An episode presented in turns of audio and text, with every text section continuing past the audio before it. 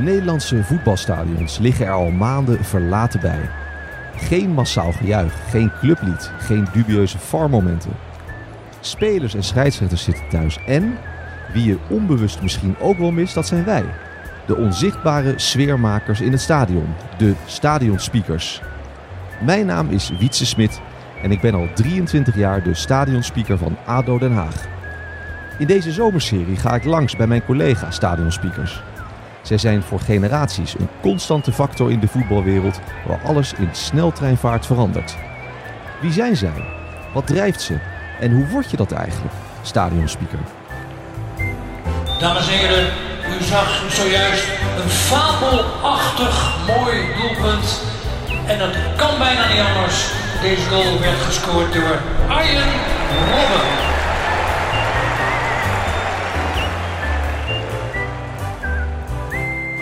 Vandaag ben ik op bezoek bij Jan Wildeman, al 40 jaar de stadionspeaker van FC Groningen. Hij is daarmee de langstzittende stadionspeaker in de eredivisie. Hij zag clubiconen als Koeman en Robben debuteerden. Hij verhuisde mee van het Oosterparkstadion naar de Euroborg en was speaker tijdens de huldiging na het winnen van de KNVB-beker. 40 jaar de stadionspeaker. Ik ben razend benieuwd. Ik sta hier voor het stadion, net uit de P West gelopen en we zien hier een winderig uh, plein. Het is uh, stil op dit moment. Uh, een weg voor ons met wat auto's. Maar naast mij staat Jan Wildeman. Jan, hartstikke leuk om je te ontmoeten. Ja, ook leuk dat je mij de primeur gunt van deze podcastreeks, deze zomerreeks. Jij bent de langzittende stadionspeaker. Wist jij dat eigenlijk? Ja, ja, nee, dat wist ik niet. Maar ik neem aan dat jij research dusdanig goed hebt uitgevoerd dat dat inderdaad klopt. Maar ik wist het niet. Ik hou me er ook eigenlijk niet mee bezig. 40 jaar is lang, Jan. We staan hier voor de, voor de hoofdingang. Uh, we zien een tapijt liggen met het logo van FC Groningen erop. Is dit ook de ingang waar jij bij de wedstrijd naar binnen gaat? Ja, via deze ingang komen wij ook naar binnen. Alleen wij staan dan normaliter niet in de parkeergarage, maar op een andere gereserveerde plek. Maar wij komen hier altijd uh, binnen.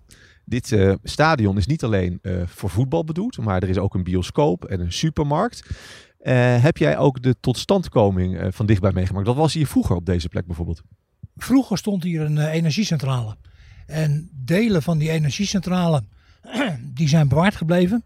Je ziet daar die, die, die zwarte wand, dat is waar kolen werd opgeslagen. Ik neem aan dat dat als een soort monumentje blijft staan.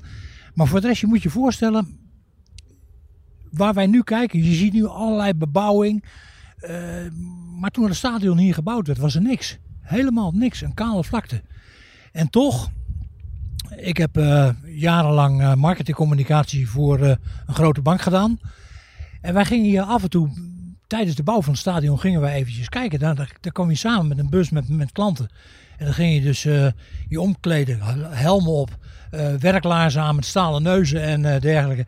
En dan banjerde je hier gewoon over dat terrein heen. En dan zag je dus echt dat er vrachtwagens kwamen met die enorme tribunesegmenten. En wat op de millimeter nauwkeurig als een soort puzzel in elkaar gezet werd. Wat een geweldig gezicht. Het, het stadion wordt ook wel aangeduid als de groene hel en de groene kathedraal. Zijn dat ook uh, woorden die jij gebruikt? Nee, dat zijn geen woorden die, uh, die ik gebruik. Ik vind het allemaal een beetje, uh, ja, een beetje, beetje, beetje, beetje overdun. Kijk, bij mij zit nog steeds het woord Euroborg ingebakken. Ondanks het feit dat er nu een sponsor is die zijn naam eraan verleend heeft. En ja, dat, de, de, niks te nadelen van die sponsor. En die zal er ongetwijfeld een hoop geld voor over hebben. Maar het bekt gewoon niet om het uit te spreken. Dus ja, voor mij blijft het gewoon in, de normale, in het normale taalgebruik. Uh, blijft het Euroborg. Alleen één keer in de 14 dagen op zondag is het Hitachi Capital Mobility Stadion. Oké okay, Jan, nou wij gaan het vandaag de Euroborg noemen. Ja. We gaan het uh, uitgebreid hebben over alle hoogtepunten en dieptepunten die jij in je 40-jarige speakerschap hebt uh, ervaren. Uiteraard over de club en ook over het vak. Hè? Hoe doe je dat nou, stadionspeaker, en hoe word je het? Ja, daar moet ik nog gaandeweg het gesprek nog even over denken. Van, ja, hoe word je het en hoe leer je dat? Er is geen cursus stadionspeaker. Gaat helemaal goed komen. Jan, wij gaan hier nu bij de hoofdingang naar binnen. En dan gaan wij uh, met elkaar in gesprek in verschillende ruimtes in het stadion. Oké. Okay.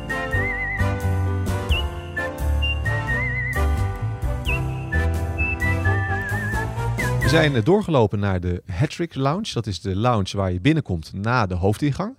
We zien hier uh, een schitterend uitzicht op het veld waar uh, talloze studenten op anderhalve meter van elkaar zitten en hun diploma uit, uh, uitreiking krijgen. Ik denk een mooi teken, Jan, dat FC Groningen waarschijnlijk midden in de maatschappij staat. Ja, dat kun je wel, kun je wel zeggen. ja, voor, voor, voor, voor, voor dit soort gelegenheden is dit natuurlijk een prachtige locatie om je diploma te krijgen. Ik bedoel, wie kan nou zeggen dat hij zijn diploma gehad heeft op het veld van FC Groningen? Wat dat betreft vind ik het een heel origineel idee van degene die dat bedacht heeft. Bij de wedstrijden kom jij dus hier als eerste binnenlopen. Doe je dan ook altijd een kopje koffie of, of, uh, of loop je meteen wij, naar boven? Nee, wij, wij, uh, wij gaan meteen naar boven. Daar hebben wij koffie en uh, alle voorzieningen, lunchpakketten klaarstaan. Dus wij gaan meteen naar boven. En om je meteen uit de droom te helpen, borrelen, dat is uh, in feite aan ons ook niet besteed. Want je, je, je wacht persconferenties na afloop af. En vooral bij avondwedstrijden, dan is het dusdanig laat. Ja, dan ben ik blij als ik in de auto zit naar huis. Ja. Je bent nu 40 jaar stadionspeaker van FC Groningen. Je bent dus op jonge leeftijd ben jij begonnen. Kan je nog terughalen, hoe, hoe is dat gegaan? Ik werkte toen als vrijwilliger bij een ziekenomroep. En wij maakten altijd op donderdagavond een programma. De Groningse Top 20. En dat werd dan gesponsord door een platenboer uit, uh, uit de plaats. En die wilde eigenlijk wel die opname gebruiken zondagsmiddags bij thuiswedstrijden van FC Groningen. We hebben het programma enigszins aangepast. Dat we geen jingletjes tijdens de muziek lieten, lieten horen en dergelijke. En dat werd dan zondags hier uh, afgedraaid. Nou, toen was er een speaker, dat was mijn voorganger. Ik zal geen namen noemen, maar... Die deed ook 40 jaar of was dat was nee, nee, nee, nee, nee, die, die, die heeft hier korter gezeten. Maar daar maakten wij ook commercials voor. En op een gegeven moment werd ik gebeld door de administratie van FC Groningen. Van, kun jij een lijstje voor ons verzorgen waar jullie uh, de afgelopen tijd een commercialtje voor geproduceerd hebben? Deden wij als ziekenomroep, hè? Nou ja, dus ik geef dat lijstje. En wat bleek dus dat die, uh, die stadionspeaker die regelde dat, maar die droeg het geld gewoon niet af. Die liet een, uh, een, een, spotje maken door een brillenboer. En ruil voor kreeg hij twee nieuwe brillen. er werd een spotje was, gedraaid. was niet helemaal de bedoeling. Nee. En, en jij kreeg dat belletje. En, en was toen de vraag, Jan, wil jij het overnemen? Toen was uh, zondag was een wedstrijd Groningen-Nek. Het was november 82. En uh, toen zat ik meteen uh, met de kloten voor het blok, om het zo maar te zeggen. Ik had het nog nooit eerder gedaan. Je hoort wel hoe het gaat. Want ik zat altijd wel op de tribune bij, omdat wij de muziek verzorgden. Maar ja, dat moet je zelf doen. En heb je geoefend van tevoren? Nee. Hoe ging dat? Nee, je deed die microfoon aan en, en dacht ik, ik, ik doe maar wel, ik ga het maar eens proberen. Ja, ik bedoel, ik ben, ik ben er gewoon, uh, ik, ik, ben er gewoon gaan zitten. En ik denk, ja, ik zie wel uh, wat er op me afkomt. Nou, en kennelijk is het goed bevallen. Want anders was ik al lang weg geweest. Meisjes, allemaal van harte welkom hier in het Hitachi Capital Mobility Stadion. Welkom bij deze wedstrijd en, en hoe reageerde het publiek? Want die waren natuurlijk vertrouwd met, met de oude speaker. Ja, ik, ik heb eigenlijk geen wanklank gehoord. En het is niet om mezelf voor de borst te slaan, maar ik heb ook een tijdje ben ik uit de running geweest dat ik, uh, dat ik een omleidingsoperatie gehad heb. En dat was in de winterperiode, maar mijn vervanger die zou dan twee wedstrijden doen. Nou, één wedstrijd is niet verder gekomen als uh, dames en heren, u kunt naar huis gaan. De wedstrijd is afgelast vanwege sneeuw. maar de volgende wedstrijd deed hij wel. Ja, en dan krijg je meteen reacties op Twitter en dergelijke. Ik zag het, ik zag het langskomen en uh, ja, dan reageer ik ook op, op, op, diverse fora van uh, jongens hou je een beetje in, hij doet zijn best. En uh, even geduld, met een week of twee ben ik er weer. En toen wist je wel van, nou ik, ik maak echt onderdeel van de club uit. Ja, ja, ik, ik, ik denk dat je dat inmiddels zo kunt, uh, kunt stellen. Een verslaggever van het Dagblad van het Noorden, journalist Martin Groenewald, die heeft een boekje geschreven met allerlei wetenswaardigheden over de club. En hij zegt, ik weet niet beter als jouw stem klinkt. Want vanuit als kind zijnde kwam hij al met zijn vader mee naar het Oosterparkstadion toen de tijd. Hij zei, vanaf dat moment ken ik jouw stemgeluid. Dat betekent dat je al twee of drie generaties misschien wel dat die hier opgegroeid zijn met jouw stem in ja, het stadion. En je maakt nog steeds dingen mee. Nou, ja, een paar jaar geleden een, een cashier bij een supermarkt in Delzeil. Ze zegt, nou ik je toch niet tref. Ik heb het al heel vaak durven, willen vragen, maar ik durfde nooit. Maar ik vraag het nou toch. Ben jij de speaker van Groningen? Ja, klopt. Horen ze aan de stem. Mooi. Nou, een week of zes geleden kochten wij een nieuwe elektrische fiets. Nou, dan kom je bij die fietsenboer en je begint te praten. Hij zegt, vrek. Hij zegt, ben jij niet de speaker van Groningen? nou ja, dan onderhandelt dat al een stuk makkelijker. Hè? Eh. Als je twee fietsen tegelijk koopt en je wilt ook wat korting hebben.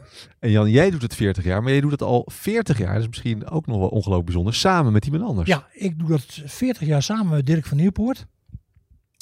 Hij is al een jaar langer, een jaar langer omroepkamerbemanning als dat ik ben. Want hij zat dus... Hij is de eh, echt die- ervaren. Die, die, plaatjes die wij dan in elkaar flansen op donderdagavond. Hij draaide dat dan daadwerkelijk af. En eh, ja, als radioduo werken wij al 50 jaar samen. samen. Wij zijn in... eh, Volgens mij 71 of 72 zijn we bij de ziekenomroep van het toenmalige Delftse ziekenhuis terechtgekomen. Hij als technicus en eh, ik mocht het dan met de mond doen.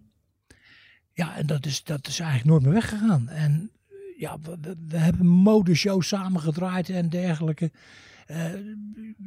Wij zijn eigenlijk een soort, ja, hoe zou je dat moeten zeggen? Hij heeft zelf ooit wel eens een keer in de krant laten optekenen bij een interview van, wij zijn eigenlijk eh één stel hersens eh, tot één stel hersens vergroeid met vier ogen. Eh, als we even naar achter kijken, hier in de lounge. Er- zijn schitterende grote platen hangen hier. Wie zien we hier allemaal? Nou, je ziet hier dus club-icoon Martin Koeman. Met rechts beneden zijn beide zoons. Zijn ze hier nog regelmatig in het stadion? Ja, eh, de vader natuurlijk niet, maar- De, de vader niet, maar eh, de beide jongens die komen hier nog wel af en toe. Ja, ik, ik heb hem als speler niet meer meegemaakt. Dat was net voor mijn tijd. Maar goed, hij is wel bij de club betrokken geweest. Hij, hij was de eerste jeugdtrainer. Hij heeft een keer als interim trainer Groningen in de eredivisie eh, gehouden. En uiteindelijk heb ik helaas ook hier in het stadion zijn in memoriam moeten uitspreken. En ja, dat zijn toch wel hele zware momenten als, eh, als, als, als speaker. Dan zit dus, dan moet je, ja, jij zult het zelf ook meegemaakt hebben. Dan heb je de familie, heb je daar zitten. Jij spreekt een in memoriam uit. Eh, Dat moet goed gaan. dat moet foutloos. Dat moet de juiste intonatie hebben. Daar moeten de juiste pauzes ingebouwd zijn. Dat oefen ik overigens wel van tevoren. Dat ik het opneem. Eh, ja, want je, het, het is, kijk, het is voor Ronald en Erwin een blijvende herinnering. Ja. Dat dat toen gebeurd is. Nou ja, dat, daar wil je gewoon dat het goed gaat. En dat moest dus twee keer.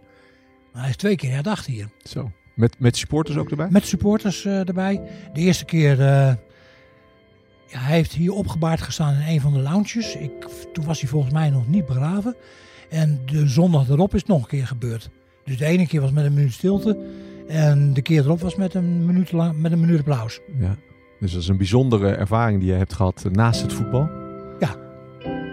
Dat, dat, dat, dat zijn. Ik, nee, ik, ik, ik wil niet zeggen de mooie dingen. Dat zijn de delicate dingen die, die je kunt doen als stadionspeaker. En ik denk, als jij dat goed doet, dan denk ik dat je best van troost kan zijn voor de nabestaanden. Als je dat op een goede manier doet. Afgelopen woensdag is op 75-jarige leeftijd clubicoon Martin Koeman overleden. Martin Koeman was sinds 1963 in verschillende functies meer dan 50 jaar verbonden aan GVAV en later FC Groningen. De club beschouwt Martin als de geestelijk vader van onze jeugdopleiding. FC Groningen is diep geraakt door zijn overlijden. Naast de spelers van beide elftallen staan nu ook de spelers en begeleiders uit de jeugdopleiding van FC Groningen op het veld om Martin Koeman te herdenken. Afgelopen donderdag herdachten wij Martin in een minuut stilte. Als eerbetoon aan Martin Koeman vragen wij u nu te gaan staan en na het fluitsignaal van scheidsrechter Liesveld één minuut lang te applaudisseren voor zijn vele verdiensten voor onze club.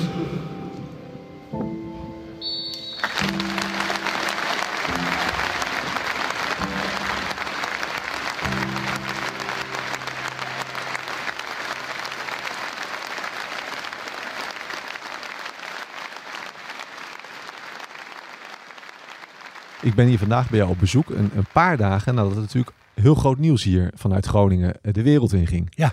Hoe heb jij dat zelf ervaren? En dan bedoel ik Laat natuurlijk de komst van Arjen Robben. Laat ik zo zeggen, via social media had ik al wat geruchten gehoord. En nou wil het toeval dat mijn achterbuurman, die heeft een zoontje. En die speelt bij de D-jeugd van, eh, van Groningen. Dat, dat zijn er van die, van die schooljongens die worden met een busje naar school gebracht, opgehaald, naar de training gebracht. Elke dag weer. Dus op vrijdagavond, ik liet dat bij hun vallen. Ongelooflijk wat mijn deel. En op zaterdag, ik heb continu op nu.nl, rtvnoord.nl, uh, fcupdate.nl zitten kijken. Van nou, komt dat nieuws een keer los? Ja, en om vijf uur werd dat bekendgemaakt. En ik moet zeggen, ik vond het wel echt een heel apart gevoel. En ik denk dat ik niet de enige ben. Als ik de kranten mag geloven, dan zijn er mensen, volwassen kerels in tranen uitgebarsten. Daar kan ik me overigens niet zo echt veel bij voorstellen. Maar ja, ik, ik kan me wel voorstellen dat mensen daar de rillingen van gekregen hebben. Robben is een icoon. Ja. Ik heb, hem, ik heb, ik heb hem zien, zien, zien debuteren. En dat wil ik niet onerbiedig zeggen, maar toen was hij nog een pukkelige puber. 16 jaar, hè? Ja. Onder de jeugdpuisten. En hij kwam in het veld. En meteen de eerste wedstrijd indruk maken van heb ik jou daar. Ja. Sprak je hem in die tijd ook persoonlijk? Dat was in het Oosterpark. Ik, ik, ik heb Robben één keer persoonlijk gesproken. Uh, dat was nog wel dat de spelershome voor mij goed bereikbaar was. Ja. Alleen dat, ja, dat is nu. Nu. Ik spreek nu geen spelers meer uh, persoonlijk. Ik, kijk, Jan van Dijk kon ik persoonlijk. John de Wolf kon ik persoonlijk. Al dat soort jongens. Ja, daar zat je ook mee in de spelershome na afloop een potje bier te drinken en koffie vooraf gaan aan de wedstrijd. Dat is nu niet meer zo. Uh, kijk je uit naar het moment dat je Robben hier voor het eerst kan gaan omroepen? Ja, eigenlijk wel. Ik denk dat het zo'n enorme boost voor de club is. Gewoon al het feit dat ja, hij terugkomt. Dat, dat hij besloten heeft om voor Groningen te gaan voetballen. Ik hoorde gisteren, of nee, zondagavond was dat, hoorde ik Ronald Koeman ook zeggen bij Studio Sport van dat hij het overwogen heeft, maar dat hij uiteindelijk toch voor Feyenoord koos. Werd hem niet in dank afgenomen. Ik denk dat er niemand druk heeft gezet op, uh, op, uh, op Robben. Het is gewoon puur een, uh, een duo-actie geweest van Wouter Gudde en Mark-Jan Vladeres om naar München af te reizen. Onder het motto van nee, hebben we een jaar kunnen we toch krijgen. Nou, het is ja geworden. En ik denk dat dit fantastisch nieuws is. De seizoenkaarten zijn uh, flink omhoog gegaan, hè? de verkoop. Er wordt op dit ogenblik van uitgegaan dat, ze, dat, dat er 15.000 seizoenkaarten aan de man gebracht kunnen worden. Alleen dan dient zich wel het volgende probleem aan. Waar ga je die mensen bergen in september? Ja, de komende periode. Met ja. anderhalve meter afstand. Ja, want het stadion hier, daar kunnen 25.000 man in, hè? Uh, 22,5. Ja. ja. Dus dat betekent als je met 1,5 meter ertussen zit, dan zullen er mannetje of 10.000 kunnen. Ja, 5.000. 7, 8. 7, 8.000, ja. ja. Dus hoe ze dat willen gaan oplossen. Het mooiste zou zijn als voor die tijd uh, het virus de kop in is gedrukt. Ja. En we weer gewoon met een vol stadion uh, mogen gaan spelen. Want ik weet niet of jij er al gedachten over gemaakt hebt, maar ja, wat moet je doen als er toch gejuicht wordt? En hoe je het ook went of keert. Ik verwacht gewoon dat er gejuich gaat worden als er een zeker, uh, als zeker, er zeker als Robbens eerste doelpunt hier maakt. Ja, en, en, en als, een, als, een scheidsrechter in de ogen van het publiek irritant fluit, dan gaat er ook wat geroepen worden. Ik weet het 100% zeker. En ik zou niet weten hoe ik het moet voorkomen. Wat voor tekst ik zou moeten bedenken om te voorkomen dat dat stopt. Nou, laten we vandaag eens even kijken of we daar samen een tekst voor kunnen bedenken, Jan. Als we naar buiten kijken, is het inmiddels gaan regenen. En zij zitten de studenten met een, een mooie paraplu uh, inmiddels op. Witte paraplu's, niet met FC Groningen. Maar uh, daar gaat de uitreiking van de diploma's toch gewoon door. Laten wij een trapje omhoog gaan, Jan. Ja. En een plekje gaan zoeken uh, op de tribune. En, en nog eens even verder praten.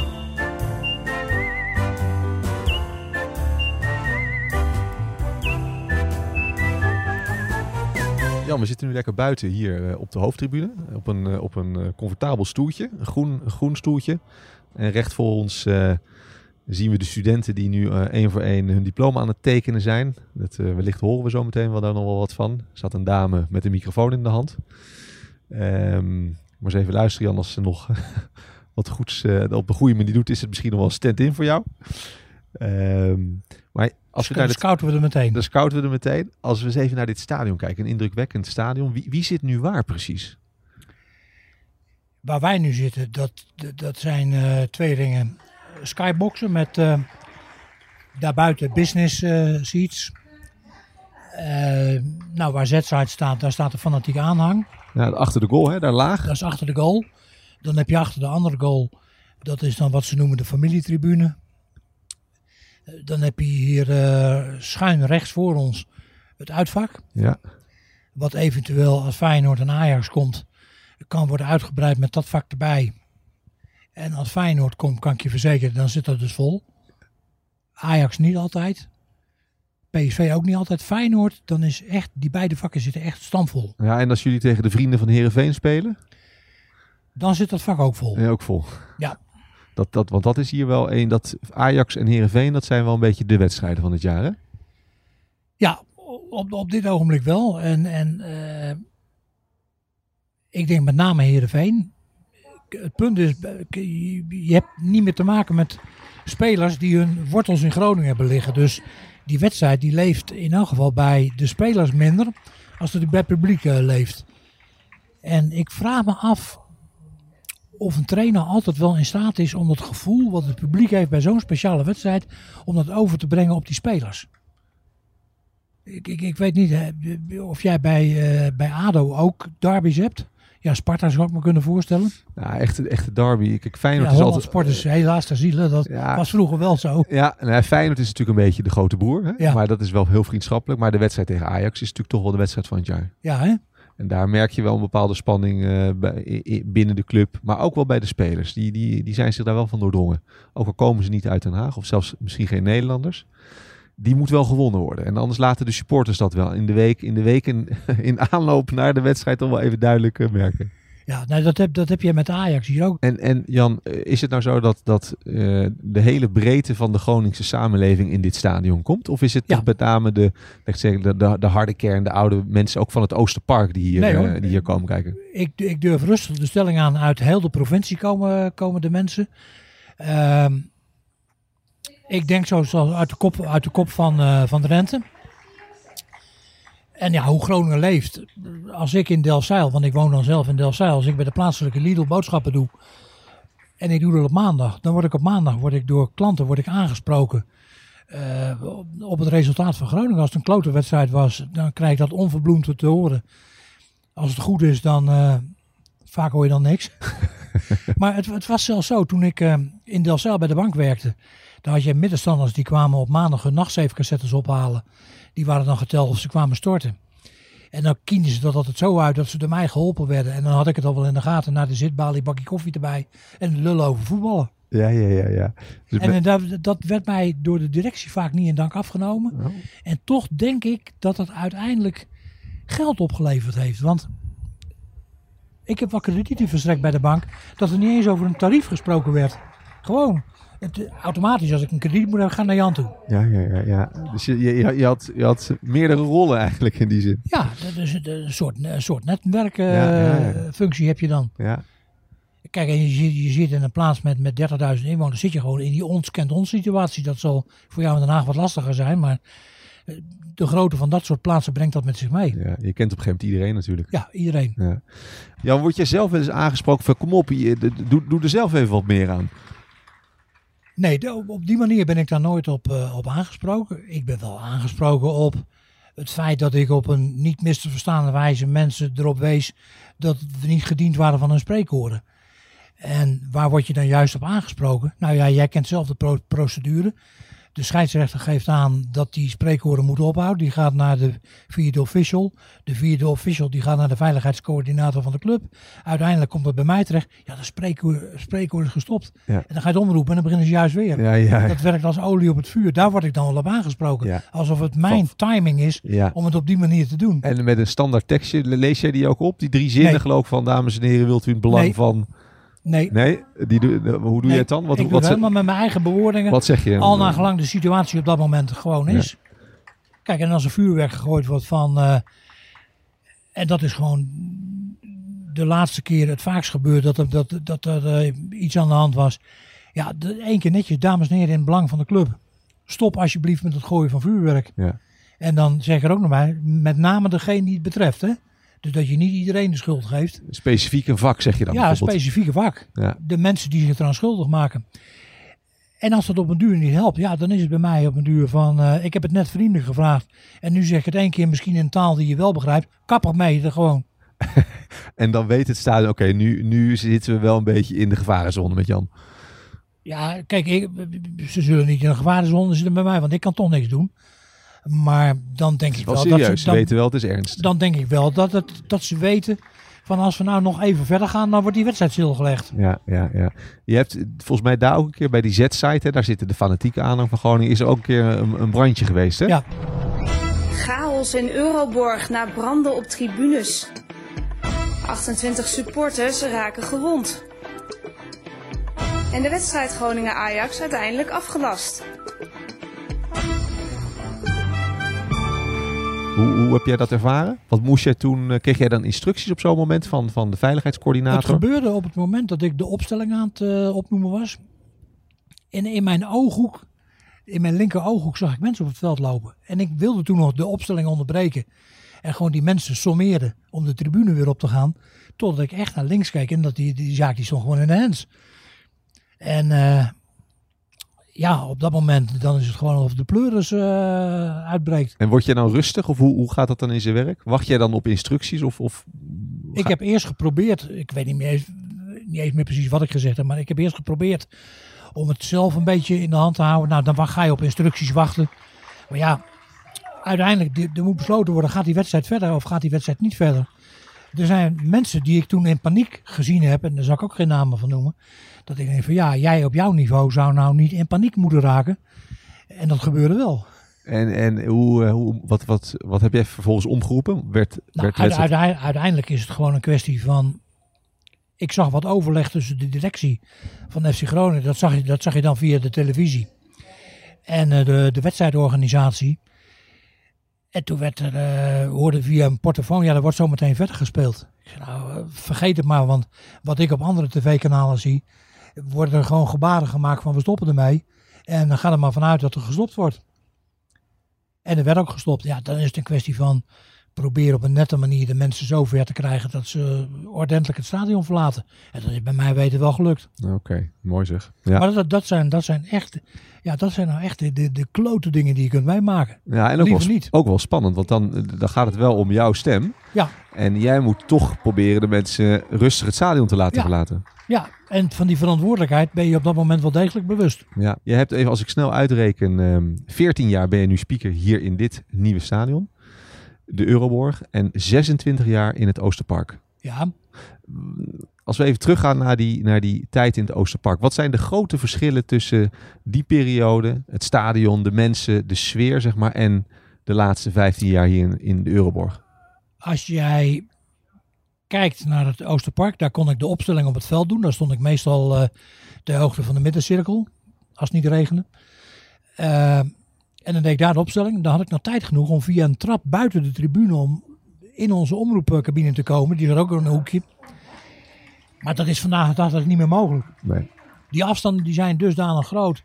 Eh, als ik op het veld ben en ik, voordat ik boven ben, eh, dan, dan is de eerste helft is een kwartier om. En vond je het jammer toen jullie eh, hier naar dit stadion gingen? Dat je dat niet meer vanaf het veld kon doen? Nou, la- laat ik zo zeggen, zo'n stadion in een volksbuurt, het heeft echt iets. En ik weet niet, jij, jij bent ook nog speaker geweest in ja, het zeker. Ja, ja, ja, ook iets van 10 Nou, jaar. dat is, dat is enigszins vergelijkbaar, ondanks het feit dat dat stadion dan in een park staat. Maar ja, het heeft iets, laat ik, laat ik zo zeggen. Daar wonen eh, toch de wat, de, de wat minder welstandige kant van Groningen woont daar, van de stad Groningen. En die mensen die gingen echt op stoeltjes zitten voor het huis op het trottoir in de veldjes. In de hoop dat het uit de klauwen zou lopen. Na afloop van die wedstrijd. Ja, dan hadden ze weer wat te praten. Ja. En dat is, dat, is, dat, is, dat is uniek. En ja, dat, dat, dat, heb, dat, dat, heb je hier niet. Nee, het is wat, natuurlijk wat verder weg ook van die wijken waar, Ja. de, waar de, de, de, de, de oorspronkelijke FC Groningen fans zeg maar eh, wonen. Ja. Ik, eh, ik weet nog wel in het Zuiderpark, ik ging altijd op de fiets en eh, dan ken je ook alle sup- supposten. Hè? Dan had je zo'n heel groot hek bij de hoofdingang en dat ging speciaal open als ik met de fiets aankwam. Zodat ik mijn fiets binnen veilig op slot kon zetten. Ja. daar hoef je nu niet meer mee aan te komen. Nee, wat dat betreft, kijk, ik beschouw de Euroborg als een enorme verbetering. Ik denk dat iedere weldenkende supporter, en hoe nostalgisch je ook bent, eh, die moet niet meer willen eh, dat je daar ooit weer zou moeten voetballen.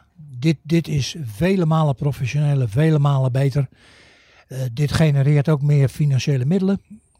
En ja, hoe je het ook bent of keert, betaald voetbal, het woord zegt het al, betaald voetbal, dat gaat om geld. Ja, je hebt een hele hoop spelers hier omgeroepen in jouw 40-jarige carrière. Van Ja. Koeman tot eh, Arjen Robben. Kun je eens een paar markante spelers noemen waarvan je zegt, ja, daar heb ik echt van genoten. Milko Jurovski, dat was een, eh, dat was een speler. Er hoefde ook maar een beetje een fris briesje te staan. Of hij had van die zwarte nylonkousen aan. Hij rookte als een ketter. En er was ook niemand die hem van dat eh, roken afkreeg. Jij had een, eh, een van de sponsoren. Die heeft een Balkanrestaurant hier in de stad Groningen. Die ontfermde zich als een soort tweede vader over Milko Jurovski. Ja, dat, dat, zijn, dat zijn van die aparte Einzelgangers in de, in, in de sport. Daarvoor ga je naar het stadion. Maar aan de andere kant, wij hebben hier, en dat was, dat was echt in mijn begintijd, hadden wij hier Fandi. Hij was bekend als Fandi, hij heette Fandi Ahmad. Die, eh, die kwam uit Singapore, die speelde toen bij een club in Maleisië. Ja, dan stel ik me zo voor, toen was Rens de Vries, de varkensboer uit Rode.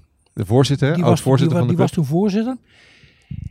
En die had dan verhalen van, ja, we zaten in de Dessa, zaten we hè, in, in een hutje met slangen en dergelijke. En dan moet je je voorstellen, de Renze had altijd als relatiegeschenk een Groningse kraantjespot bij zich. Met een Groninger koek en een, en een zilveren martini torentje. Zie, zie het gebeuren? Die In reisde een, of af. andere, in een of andere kampong om een speler te, te contracteren. Nee, en dat werd Jurovski. Nou, dat, dat, dat werd dus van die. En Van die, ja. qua, qua, qua voetbalcapaciteiten. Dat was een fluwele voetballer was dat. En ik, Een ik van de heb, beste, ja. Die Ik, hier ik heb nog nooit een betere gezien. Alleen ja, wij hadden in die tijd een houdegen als, eh als Han Berger als trainer. Ja, zo'n jongen doet aan Ramadan. En het woord Ramadan, daar had hier in Groningen had nog nooit iemand van gehoord. Nee. Laat staan dat er naar geleefd werd. Dus hij kon gewoon meedoen. En eh er werd, daar werd 0,0 rekening mee gehouden. Kijk, nu wordt er met de culturen van de jongens rekening gehouden. Toen niet. nee. En daar is hij ook kapot gegaan. En eh, zijn er spelers geweest met wie jij ook een persoonlijke band had? Ik had een persoonlijke band met, eh met John de Wolf. Die deed ook dingen voor amateurclubs. En eh, nou, daar ging ik wel eens een keer mee. Om als speaker te fungeren. Jan van Dijk had ik wel een, eh, een persoonlijke band mee. Bas Roorda, eh, die nou naar PSV is gegaan als keepertrainer, had ik ook een persoonlijke band mee. Die zag je ook buiten het voetbal, deze spelers? Die zag ik buiten het voetbal, voetbal ook wel. Bij, bij bepaalde evenementen, ja. En we gingen wel eens op pad met, met, met, met een club van, ja, dat noem ik dan FC Groningen iconen.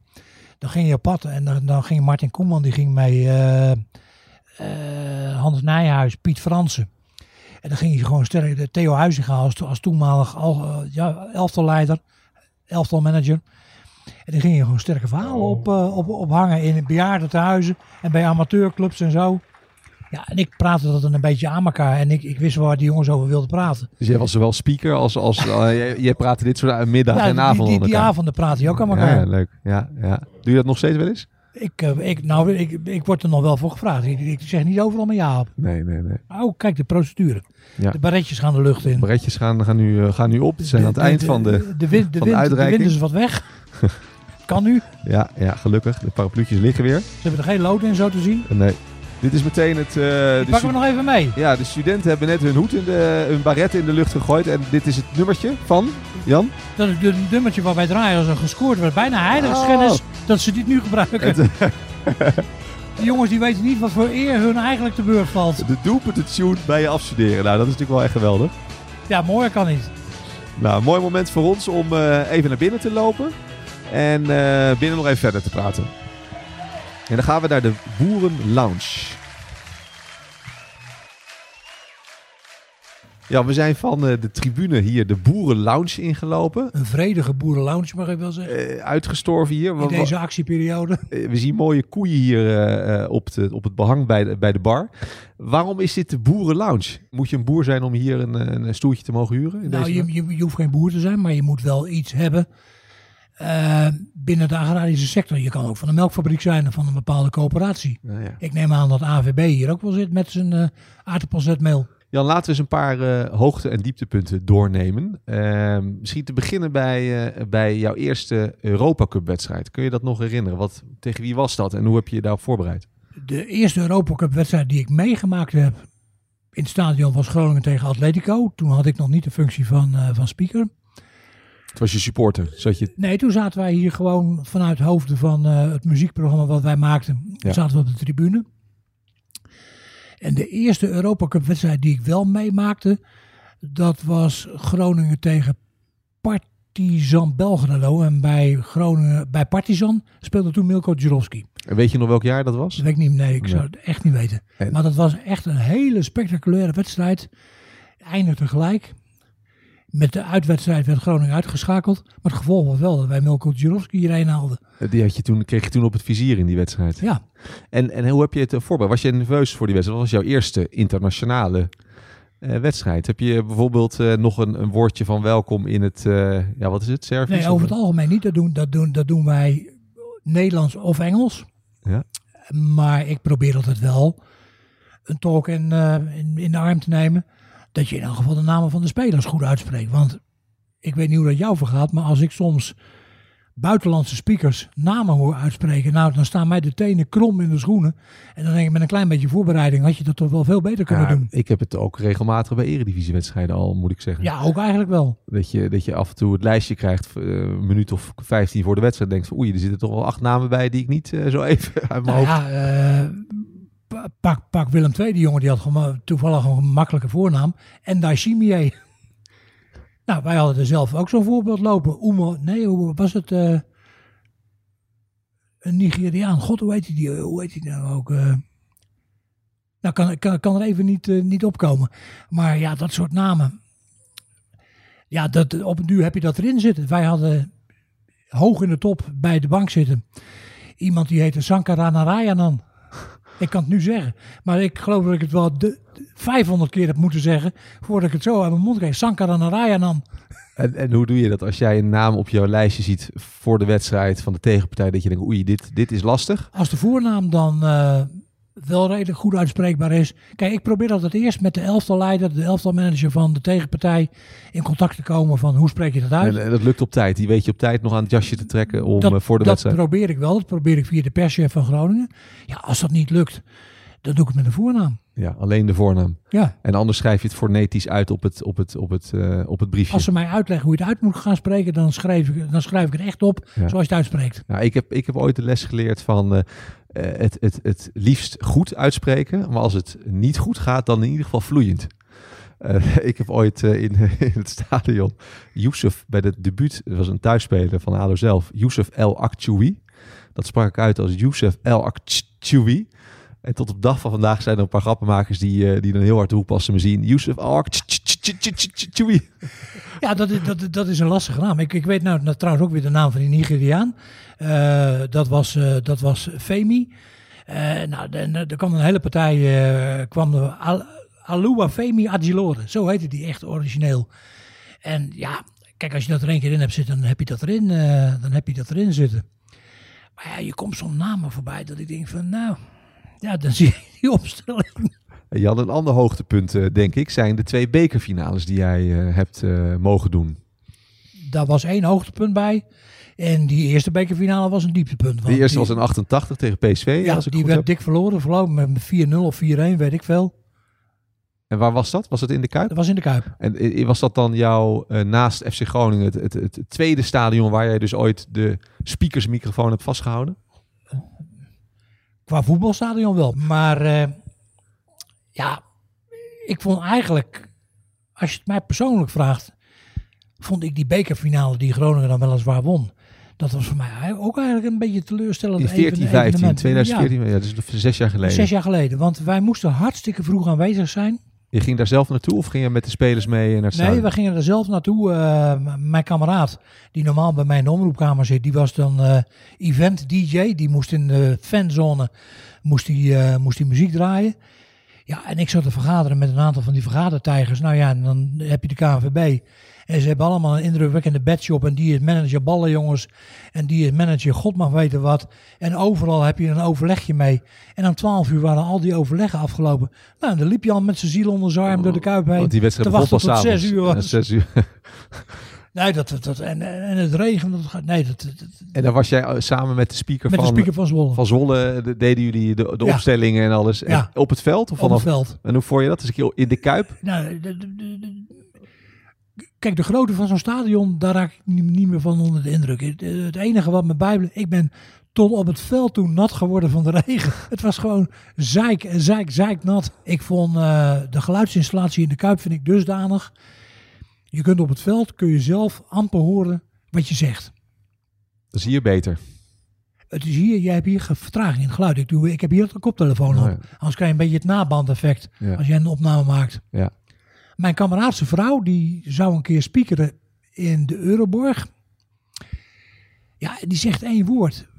En die hoort via de luidspreker, hoort ze een fractie van een seconde, hoort ze dat later. En ze wou zeggen welkom. En ze komt wel, wel, wel. Die schrok van die galm. die, nee, maar die schrok van, de, van het nabandeffect wat je dan hebt. De vertraging. Ja. Uh, die, die overwinning op Zwolle in de Kuip, dat was wel de enige uh, prijs, hè? de enige officiële hoofdprijs volgens mij die Groningen ooit uh, ja. gewonnen heeft. Ja. hoe, hoe ging het daarna? Ben je toen met, de, met was er een huldiging nee, bijvoorbeeld? Wij, wij, gingen, wij gingen gewoon met de auto weer terug. En daarna, het was, je had op, het, op de drafbaan in het Stadspark, daar was een festival in het kader van het Bevrijdingsfestival. Dus er stond een enorm podium met een enorme geluidsinstallatie. Dat werd geregeld, dat, dat bleef nog even twee dagen staan. En daar is Groningen toen gehuldigd. Nou, en een dag later? Uh, twee dagen later. Twee dagen later. En heb jij ook uh, ja. gespiekerd? En ik denk dat daar iets van 35, 40.000 man waren. Dat, dat is echt... Uh, dat was voor mij het hoogtepunt. Ja, ja. Jij was op het podium, jij kondigde de boel aan en aan, sprak het aan elkaar. Ja. En de man die deze spelerspresentatie uiteraard weer mee presenteert, is al ruim 35 jaar de stem van Groningen. En oh, wat was dat toch lekker om zijn stem in de Kuip afgelopen zondag te horen galmen. Al jaren een mooi setje met DJ Dirk van Nieuwpoort. Onze spreker van vandaag, Jan Wilderman.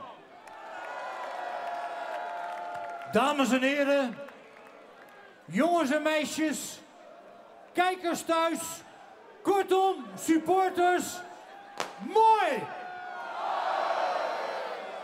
Hartelijk welkom. Kun je daar iets over vertellen? Hoe ging ja, dat? Ja, spelers interviewen. Ja, dus kunnen ze dan nog een keer. Uh, ook spelers die, uh, onder andere eentje, uh, die was vervelend, want die was zo zat als naap. En die gaf ik even de microfoon en die wilde hem niet meer loslaten. Dus daar heb ik dus op een duur de elftalleider bij in moeten schakelen van terug met de microfoon. Nooit afstaan, hè, je microfoon. Ik durf zijn naam ook wel noemen, was Antonia. Staat ook niet bekend als het liefste jongetje. Oké. Okay. Oh, wat moet ik zeggen? Zo, ik ben zo blij. Ik kom helemaal uit Amsterdam. Ik heb veel familie meegenomen. Maar zij nog, ja nee. Als ik Amsterdam zeg, zijn jullie boos. Ik ben toch een boer of niet? Ik ben toch een boer of niet? Denk je dat ik met Amsterdam deze... Maar goed, ik bedoel, ja, dat soort dingen maak je mee. En, uh, maar dat, dat vond ik echt een gigantisch hoogtepunt. Fantastisch. Je, je weet niet wat je ziet. In een stadion zie jij die mensen op de tribune zitten. Uh, als jij op zo'n podium staat en jij moet wat aan elkaar praten, dan ik stel me voor dat groepen op Pinkpop hetzelfde voor zich zien. Ja, dat is, dat is, dat is gigantisch indrukwekkend. Jan, zullen wij naar jouw hokje gaan om daar uh, eens even te kijken hoe jij echt het vak van stadionspeaker uitoefent? Uh, Lijkt me een strak plan.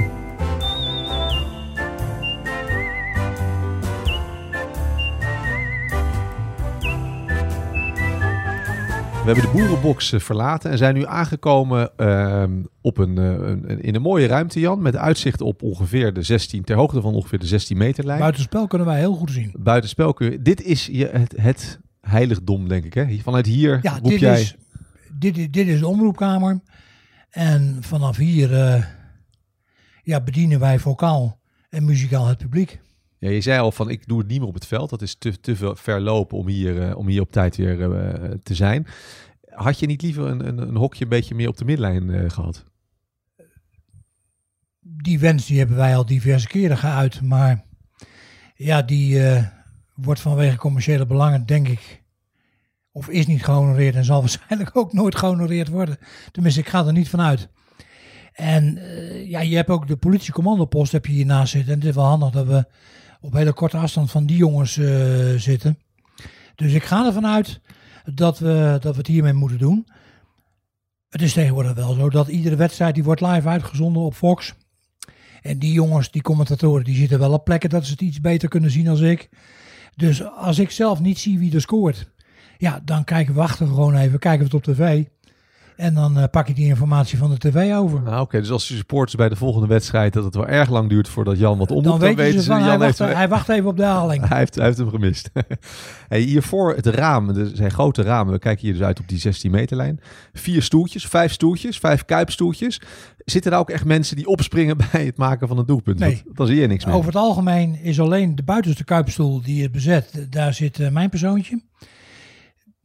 Twee seizoenen geleden hadden we die andere vier die hadden we weggeschroefd. Maar die staan er sinds dit seizoen weer. En eigenlijk zitten daar nooit mensen. De mensen die voor in die buurt zitten, dat zijn me- meestal mensen die betrokken zijn. Eh FC Groningen accountmanagers, eh wat, wat, wat andere mensen, de, de stadionmanager. Die zit daarna, die weten wel dat die jongens niet voor eh, in het gezicht moeten gaan zitten. Nee. Het zich moeten gaan bele- belemmeren. Jij zit hier dus op de eerste stoel. Ja. Je gaat dus via de deur en naar buiten. Als, je de, als de stap, temperatuur dusdanig is, eh dan zit je buiten. Ja. Anders blijf je lekker dat ik binnen. mijn klokkenspijl eh, be- veilig eh, warm hou. Dus dan, dan zit jij daar buiten. Kijk, je- maar bij, bij een doelpunt, eh, dan, Dan, dan, ren ik even snel naar binnen. dan ren je naar binnen Ja. en pak je de microfoon en ga je omroepen. En men- ja, kijk, jij zegt, kijk, goals in principe mis ik niet. Alleen, je gezicht wordt een beetje minder naarmate dat je, ik heb natuurlijk niet voor niks een bril voor veraf, veraf kijken. Ehm, ik zie soms die rugnummers niet vanaf die afstand. En in een kluur van spelen, van spelers wordt het ook lastig om het, eh, om, om het te zien. Ja, en als ik het niet zeker weet, nou, dan wachten we gewoon even hoor. Daar, daar hebben we Fox voor. En heb je wel eens echt een, een totaal verkeerde naam omgeroepen? Ja, Ook van het thuis, van je, van je eigen eh, FC Groningen spelers? Dat Dat, is dat ook- je aan de reactie dat- van het publiek is- hoorde van oei, hier zat ik naast. dat is mij, dat overkomt me niet vaak, maar dat is me wel eens overkomen in het Oosterpark. Als jij bijvoorbeeld Peter Houtman bekijkt en René Eikelkamp, dat zijn qua lengte ongeveer vergelijkbare spelers. En toen in die tijd dat het matje in de nek eh, in was, hadden ze ook allebei zo'n mat in de nek. Ja, dan ga je wel eens een keer de mist in. En dan zeg je ru- ruiterlijk geef je toe Ja. dat dat... Ja hoor, En dan roep je geen enkel probleem. Nee, nee. Eh, we zien hier een, een mengpaneel eh, en twee stoelen. Eén waarschijnlijk voor jou en één voor jou. Voor, voor, Collega, eh, of voor mijn collega Dirk van Nieuwpoort. En hoeveel ruimte heb je om, om samen te bepalen van wanneer je nummertjes doet of, of hoe, hoe het programma zeg maar, in aanloop naar de wedstrijd eruit Over het, ziet? al, over het algemeen doet hij dat. Daar bemoei ik me zo weinig mogelijk mee. Maar wij zijn vorig seizoen hebben supporters daar wel een bepaalde mate van inspraak in gekregen. Toen kregen we een uitnodiging om eh, met het supporterscollectief te gaan praten over de sfeer rond de wedstrijden. En ik voelde hem al een beetje aankomen. Want kijk, er is geen ding wat meer discussie oplevert als muziek. En qua smaken en wensen. Ja. Dus ik denk, nou, het kon wel eens gaan over dat onderwerp. Dus ik kwam al binnen. Nou, en ik zag wie er zitten. Ik, zeg, ik dacht dat we het zouden hebben over sfeer vandaag. ik zeg, maar dan ontbreken er een aantal mensen. Ik zeg, en in mijn ogen de hoofdpersonen. Ja, wie ontbreken er dan? Ik zeg, nou, de trainer en de aanvoerder. Ik zeg, het voetbal, daar komen mensen voor naar het stadion. Dus die zijn in eerste instantie eh, bepalend voor de sfeer. Ik zeg, de rest is allemaal randgebeuren en bijzaak. Dat zagen ze anders of niet? En eh, ja, dat zagen zij toch anders.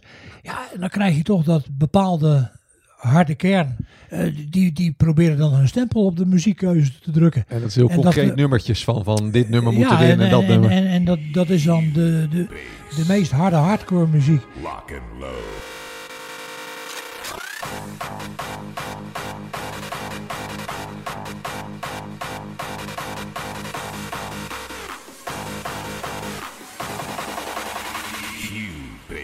En dan denk ik, ja maar, hallo, als je hier met 20.000 man zit, dan zit je hier met 19.900 die gewoon een lekkere gouden ouwe willen horen. En jullie 100 willen hardcore muziek hebben. En daar gaan we dus niet aan beginnen. En dat heb je nou ook gezegd tegen Ja. ze. Je hebt ze uit die droom geholpen. nou ja, dat, de, de- dan moet je je dus voorstellen. Dan zit dus, daar zat Hans Nijland ook bij aan tafel. Ja.